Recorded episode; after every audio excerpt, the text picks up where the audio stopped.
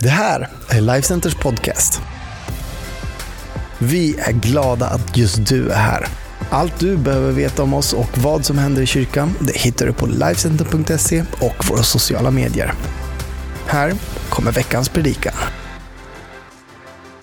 Och jag ska vara ärlig och säga att det har varit en ganska svår vecka att förbereda en predikan. För att, ja, ni alla vet, det enda man vill är ju att få sitta och hålla koll på alla tidningar, få hjälpa människor, få be för människor. Och det kan kännas så det kan kännas så futtigt att säga, ah, men nu ska vi prata om mig och mina relationer. Men jag tänker precis som eh, Pernilla sa, att kanske är det viktigare än någonsin att vi fördjupar oss ännu mer i, okej okay, men vad innebär det att vara kristen? Vad innebär det att verkligen leva som Bibeln säger att vi ska leva? Det kanske behövs mer än någonsin. Vi ber. Tack Jesus för att eh, du är med den här söndagen. Jag ber dig att jag ska få tala uppmuntrande ord ifrån dig idag. Jag ber dig att vi ska få lära oss mer om vad du säger om våra relationer och att vi ska få komma närmare dig den här söndagen. Jag tackar dig för att du älskar varenda person här inne. I Jesu namn, Amen.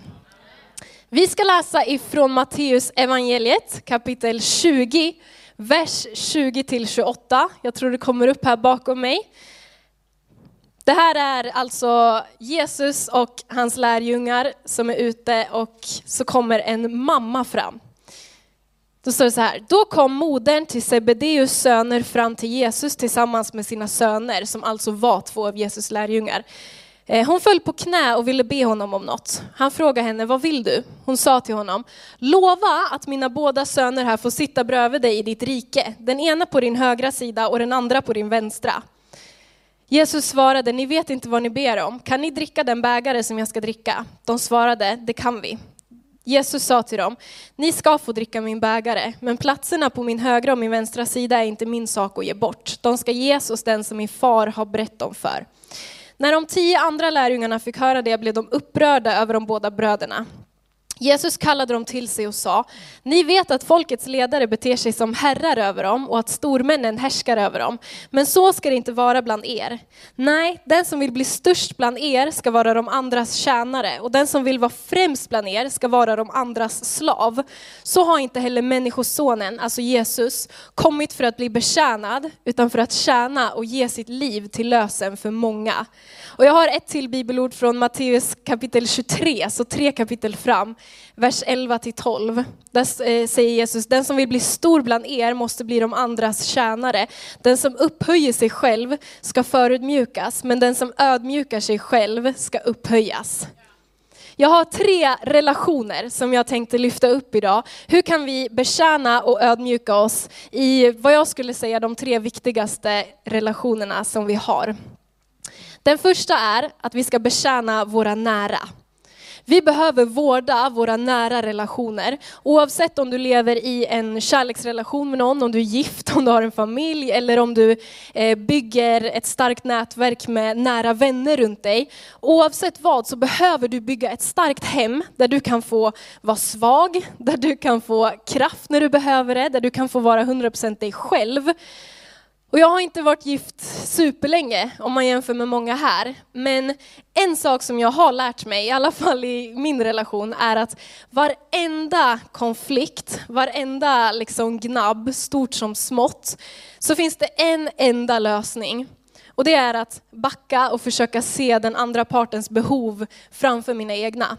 För att jag kan kämpa för min sak. Jag är ganska bra på att snacka. Jag eh, ibland snackar lite snabbare än vad min man gör, så att jag kan vinna konflikter. Men det blir en kortsiktig vinst, för att om jag vinner en konflikt, så gör ju det bara att det blir en maktkamp och nästa gång så ska han vinna för att det ska bli liksom lika på poängskalan. Det långsiktiga sättet att vinna är ju att backa och försöka komma till en kompromiss. Och jag har lärt mig att om jag, det är jättejobbigt, men om jag i stundens hetta vågar backa, lägga min åsikt åt sidan för en liten stund, fundera över, men vänta, vad var hans kärleksspråk nu igen, som vi pratade om för några veckor sedan. Har han fått mat? Är han trött? Är han hungrig? Har han fått vara ute i skogen på länge? Min man fungerar mycket bättre när han får vara ute i skogen regelbundet.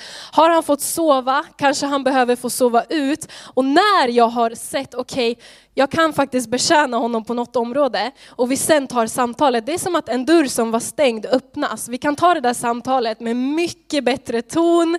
Vi båda kommer in med en vilja av att lösa det. Vi har blivit påminda om att vi faktiskt älskar varann. Och jag menar inte att en skilsmässa kan stoppas för att jag ger någon frukost på sängen. Så naiv är inte ens jag. Det jag menar är att kanske Kanske i vissa fall kan vi slippa hamna där om vi i varje liten fight försöker se att istället för att vinna över den andra så kan jag kanske betjäna den andra. Och jag vill verkligen vara ödmjuk när jag pratar om det här för jag har ingen aning om vad du går igenom i dina relationer. Men jag vill samtidigt vara bestämd med att det här är en princip som Bibeln lyfter upp och som till och med Jesus gjorde. Ni vet om Jesus kunde tvätta fötterna på sina lärjungar, sina bästa vänner. Smutsiga, svettiga fötter som egentligen en tjänare eller en slav borde ha tvättat. Om Jesus kunde ödmjuka sig och betjäna på det sättet, vem är jag att säga att nej men jag är för stolt för att betjäna, jag ska vinna över min familj och mina vänner. Jag tror att när det kommer till relationer så måste vi bygga en stark bas. Oavsett om det är en kärnfamilj eller om det är dina bästa vänner så behöver du en plats där du är hemma. Vi kan göra hur mycket som helst i kyrkan, vi kan bygga världens bästa karriär, vi kan tänka att vi ska rädda världen. Men om familjen spricker för att vi inte hinner med dem, så är det inte så mycket värt i slutändan, eller hur? Så hur kan vi betjäna våra närmaste? Hur kan vi ge dem det de behöver innan vi har fått det vi behöver? Hur kan vi ge dem det de behöver utan att ens förvänta oss någonting tillbaka? Ska vi vara dörrmattor som man kan behandla hur som helst? Nej. Bibeln pratar om att vi ska ödmjuka oss, att vi ska underordna oss varandra, att båda parter ska underordna sig, att båda parter ska offra sig. Och Kanske kan du vara ett föredöme. Kanske kan du vara den som gör det först och sen så får den andra hänga på. Men sen vill jag också säga att precis som Ulrika pratade om för några veckor sedan så kan man alltid ta hjälp. Men jag tror att det här kan vara till någon. Kanske kan du vara den som går först. Den andra relationen som jag vill prata om, det är att vi ska betjäna Guds församling. I första Petrusbrevet kapitel 4, vers 7-10 så skriver Petrus så här. Men allting sluter nära. Tänk därför klart och var nyktra så att ni kan be. Och viktigast av allt är att ni älskar varandra helhjärtat, för kärleken skyler över många synder. Visa gästfrihet utan att klaga. Tjäna varandra, var och en av er med den nådegåva han har fått, som goda förvaltare av Guds nåd i dess många former. Det här är skrivet av Petrus till kristna i Pontus, Galatien, Kappadokien, Asien och Bitynien. Jag ville bara styla, det var därför jag tog med dem. Så det här är skrivet till kristna och när vi pratar om vad Bibeln säger om relationer så stannar det inte vid din familj och din närmaste krets, utan en relation som verkligen lyfts upp i Nya Testamentet är relationen till andra kristna. Vi uppmanas att vi ska älska varandra, vi ska ta hand om varandra, vi ska betjäna varandra. Och ibland, jag har väldigt lätt att hamna där, ibland så glömmer vi bort att vi inte bara ska ta hand om alla andra eh, utanför. Alla som inte har mött Jesus än, alla som har superstora sociala behov och vi måste påminna oss om att det börjar med oss. Vi behöver varann. Vi behöver älska varann så att vi kan förstå ännu mer av Guds kärlek. Vi behöver be för varann så att vi klarar av utmaningar som vi möter ute i vårt liv. Vi behöver få en trygg plats att få använda våra gåvor och talanger så att vi kan få träna oss, så att vi kan få utvecklas, så att vi kan få syn på vad som Gud har lagt i våra liv. Vi behöver varann. Och kyrkan, är inte, jag är småbarnsmamma, men kyrkan är inte något som vi väljer bort när vi har småbarn, eller när vi har mycket på jobbet eller när vi pluggar och tänker att jag kommer tillbaks dit sen. Kyrkan är det verktyg som Jesus valde för att vi skulle klara av det kristna livet. För att vi skulle kunna nå våran värld med evangeliet, men också för att vi skulle få bygga vår relation med honom. Vi behöver relationerna med andra kristna för att vi ska klara det. Och Petrus han skriver inte, alla ska offra allt, alla ska vara med i alla team. Vill du inte tjäna i, i värdteamet, vet du vad, du ska göra det i tio år, varje söndag. Du måste offra dig. Det är inte det Petrus skriver. Han skriver att vi ska tjäna varandra med den nådegåva som vi har fått. Och en nådegåva, det är en gåva som vi får av den helige ande. Alltså när vi blir frälsta så kan Jesus faktiskt ge oss gåvor. Det kan handla om att vissa får lättare att tro, vissa kan få profetera och berätta vad Gud har sagt till dem för andra människor och få uppmuntra dem. Vissa kan få be för sjuka, vissa kan vara väldigt bra på att lära ut Guds ord, vissa kan vara naturliga på att ta hand om andra. Så det handlar om att bidra med det du kan och det som Gud har lagt på ditt hjärta. Så kyrkan är inte bara för att jag ska få mitt, utan kyrkan är relationer. Och jag sa innan att vi får aldrig glömma att bygga vår familj först, men om vi bara bygger vår närmaste klick och pausar från kyrkan, tänk hur mycket våra nära och kära kommer missa. Jag är uppvuxen här. Jag, eh, mina föräldrar var med och startade den här kyrkan och jag vet inte hur många sena kvällar som vi har suttit i något litet barnrum, jag och mina syskon ätit Happy Meal för att mina föräldrar var med på styrelsemöten eller vad de, jag vet inte ens vad de gjorde, men vi hade så kul. Vi byggde relationer med de andra barnen som också var här jämt och jag och min syster, vi har varit där ute vid toaletterna på, i korridoren och slagits en nyårsafton medan alla vuxna här inne satt och trodde att vi var jättefina. Men det här blev verkligen vårat hem. Det är sant, vi höll varandra, alltså vi var så hardcore. Vi låg och slogs på golvet och vi hade en taktik att vi höll för varandras munnar så ingen skulle råka skrika. Och de andra barnen stod runt och hejade på. Så det är bra, nu, nu för tiden så är kids mycket mer uppstyrt än vad det var då. Vi var liksom, vi var pionjärerna som fick gå före. Och ja. Jag fick göra kyrkan till mitt hem för att mina föräldrar valde att de skulle gå hit i ur och skur och det har betytt massa för mig. Jag har inte missat någonting. Och jag vet inte om jag skulle ha varit här idag utan det, helt ärligt. Men relationerna i kyrkan är relationer med människor. Operfekta människor. Och precis som i en familj så kommer vi att tycka olika. Vi kommer att störa oss på varann, vi kommer att ha olika åsikter, vi kommer till och med ryka ihop ibland. Och jag får själv påminna mig ganska ofta, om jag ska vara ärlig, att jag inte ska döma andra kristna för vad de tycker och säger. Och jag kan koka ibland, och min pastor är vittne på det. Jag kan verkligen koka ibland, men jag har verkligen fått träna mig i att jag måste ödmjuka mig, jag måste betjäna. Jag får ödmjuka mig och påminna mig om att det här är mina syskon. Bibeln säger det, vi är bröder och systrar. Det här är mina syskon. De kanske tycker på ett annat sätt. Ibland kanske jag faktiskt måste ta diskussionen, men jag kan göra det utifrån att jag älskar dig, jag tror det bästa om dig, jag tror att dina intentioner är bra och jag kan betjäna. Istället för att stå och tänka, varför gör inte de det där bättre? Så kanske jag faktiskt kan göra det själv. Om Gud lägger någonting på mitt hjärta så kanske det är för att det är min uppgift att fylla ett hål. Johannes, kapitel, Johannes evangeliet kapitel 13, vers 34-35 så säger Jesus så här. Nu ger jag er ett nytt bud, att ni ska älska varann. Så som jag har älskat er ska ni älska varandra. Genom att ni älskar varandra ska människorna förstå att ni är mina lärjungar.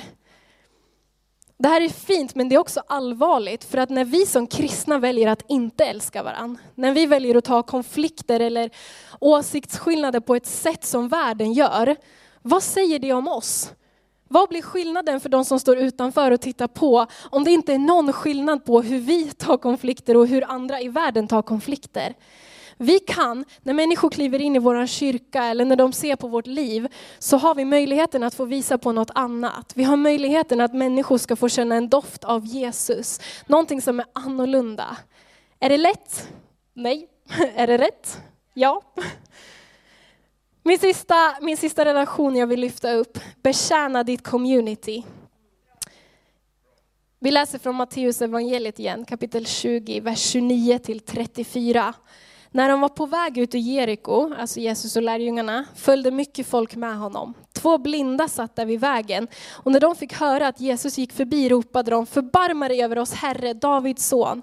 Folket såg åt dem strängt att vara tysta, men de ropade bara ännu högre. Förbarma dig över oss Herre, Davids son. Jesus stannade och kallade dem till sig och frågade, vad vill ni att jag ska göra för er? De svarade honom, Herre öppna våra ögon. Då förbarmade sig Jesus och rörde vid deras ögon. Genast kunde de se och de följde honom. Jesus säger, vad kan jag göra för er? Jesus tvingade sig aldrig på någon, även om han mycket väl visste vad de här personerna behövde. Till och med jag skulle kunna gissa att om man var blind på den här tiden så är det kanske eventuellt det man vill ha hjälp med. Han var här för att tjäna. Han ödmjukade sig, han kom ner på deras nivå, han lät dem själva berätta vad de behövde och han lyssnade. Och han betjänade dem sen. Jesus är typ exemplet på hur man bygger relationer med människor. Han såg alltid människor där de var, han mötte dem, han väntade inte på att de skulle bli perfekta utan han bjöd in dem att följa med. Och ingenstans ni får rätta mig alla andra pastorer efteråt om jag har fel, men ingenstans i Nya Testamentet så ser jag att människor gick oförändrade efter ett möte med Jesus.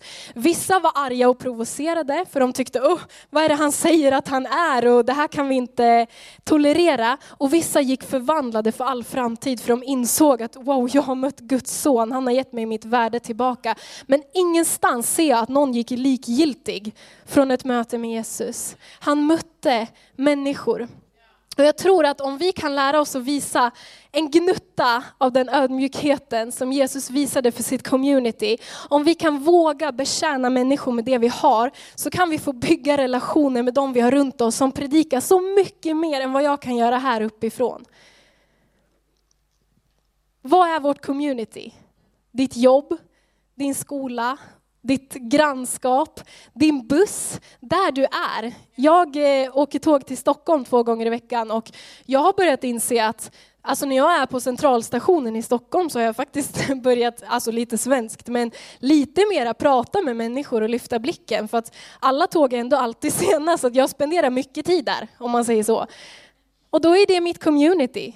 För att jag är där, jag känner Jesus och när jag vågar pausa min podd och titta upp så ser jag behov. Jag ser människor. Och det finns en sån törst efter Jesus i den här världen. Det finns en sån längtan. Människor kan inte sätta ord på det, men människor längtar efter någon som kan komma med hopp. Jag ska avsluta och bandet kan börja komma upp. Och det här har varit en väldigt basic predikan. Jag hoppas att du har fått med dig någonting. Jag är basic. Ju mer teologi jag pluggar, desto mer basic blir jag. Men allt det här kan vara fina ord. Allt det här kan vara en peptalk och du kan gå härifrån och tänka, okej, okay, men jag ska bli en lite bättre människa. Jag ska börja betjäna andra. Och om du vill gå härifrån och tänka att du ska göra lite mer bättre och vara en bra människa, så varsågod. Jag tror inte att den här världen mår dåligt av fler bra människor.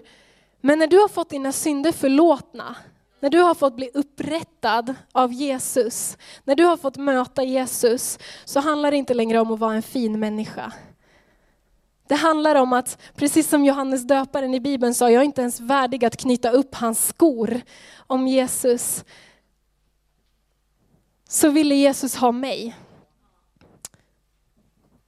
Och vem är då jag, när jag har fått möta det, vem är då jag att vägra ödmjuka mig, att vägra betjäna andra, om det kan få deras hjärtan att öppna sig för den Jesus som har räddat mig. Du vet Jesus, han ödmjukade sig för att vi skulle kunna komma till honom och få betjäna honom. Han hade allting i himlen, men eftersom att vi levde separerade från Gud så valde han att komma ner som människa under de mest ödmjuka omständigheter man kan tänka sig. Han föddes i ett stall, han blev en flykting som liten, han umgicks med enkla vanliga människor. När människor ville göra honom till kung så sa han nej, nej, nej, det är inte mitt uppdrag än. För han visste att jag har inte kommit hit för att upplyftas nu, utan jag har kommit hit för att offras. För att människor ska kunna komma till Gud som de är.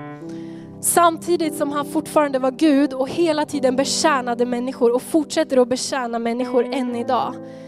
Allting börjar hos Jesus, allting slutar hos Jesus. Utan honom så är det svårt att älska andra, utan honom så tar det emot, men med honom så kan vi få älska till och med de som inte förtjänar det. För vi vet att vi tjänar inte människor utan vi tjänar honom. Om inte du har mött Jesus så vill jag be dig, gå inte härifrån och tänk att ja, men jag ska skänka lite mer till fattiga eh, så kommer det kännas bra, min oro inför framtiden kommer gå bort. Eller jag ska försöka vara en lite bättre partner så kommer jag få den där kärleken som jag längtar efter. Jag har försökt allt det där så ofta. Men helt ärligt så är det bara ett möte med Jesus som kan ge mig den friden som jag behöver för att leva livet. Om du vill lära känna Jesus idag så kan du få göra det. Du kan få påbörja en relation med honom som kommer byggas upp gradvis under resten av ditt liv. Men från den sekunden som du välkomnar honom in i ditt hjärta så säger Bibeln att du är räddad. Så säger Bibeln att du har en plats i himlen. Så säger Bibeln att du aldrig mer kommer att vara ensam. Vi ställer oss upp tillsammans. Och om du skulle vilja bjuda in Jesus i ditt hjärta idag så så skulle jag vilja be tillsammans med dig på ett jätteenkelt sätt. Vi kan göra som vi brukar göra, att vi alla här inne blundar. Så att det här kan få vara ett beslut mellan dig och Jesus. Jag tror att han längtar efter dig. Jag tror inte att det var en slump att du kom hit idag. Så medan vi alla blundar, om du vill ta emot Jesus idag så sträck din hand, vinka lite till mig så jag vet vem jag ber för. Jag kan göra det just nu. Tack Jesus. Vi ber alla tillsammans. Jag ber först och ni ber efter. Om du idag vill lära känna Jesus för kanske första gången eller vill komma tillbaka till honom, så låt det här få vara en bön ifrån ditt hjärta. Jesus, jag tror på dig. Jesus, jag behöver dig. Jag vill bjuda in dig i mitt hjärta. Förlåt mig mina synder. Tack för att du dog för mig. Hjälp mig att leva livet med dig. Tack för att jag är ditt barn. Amen.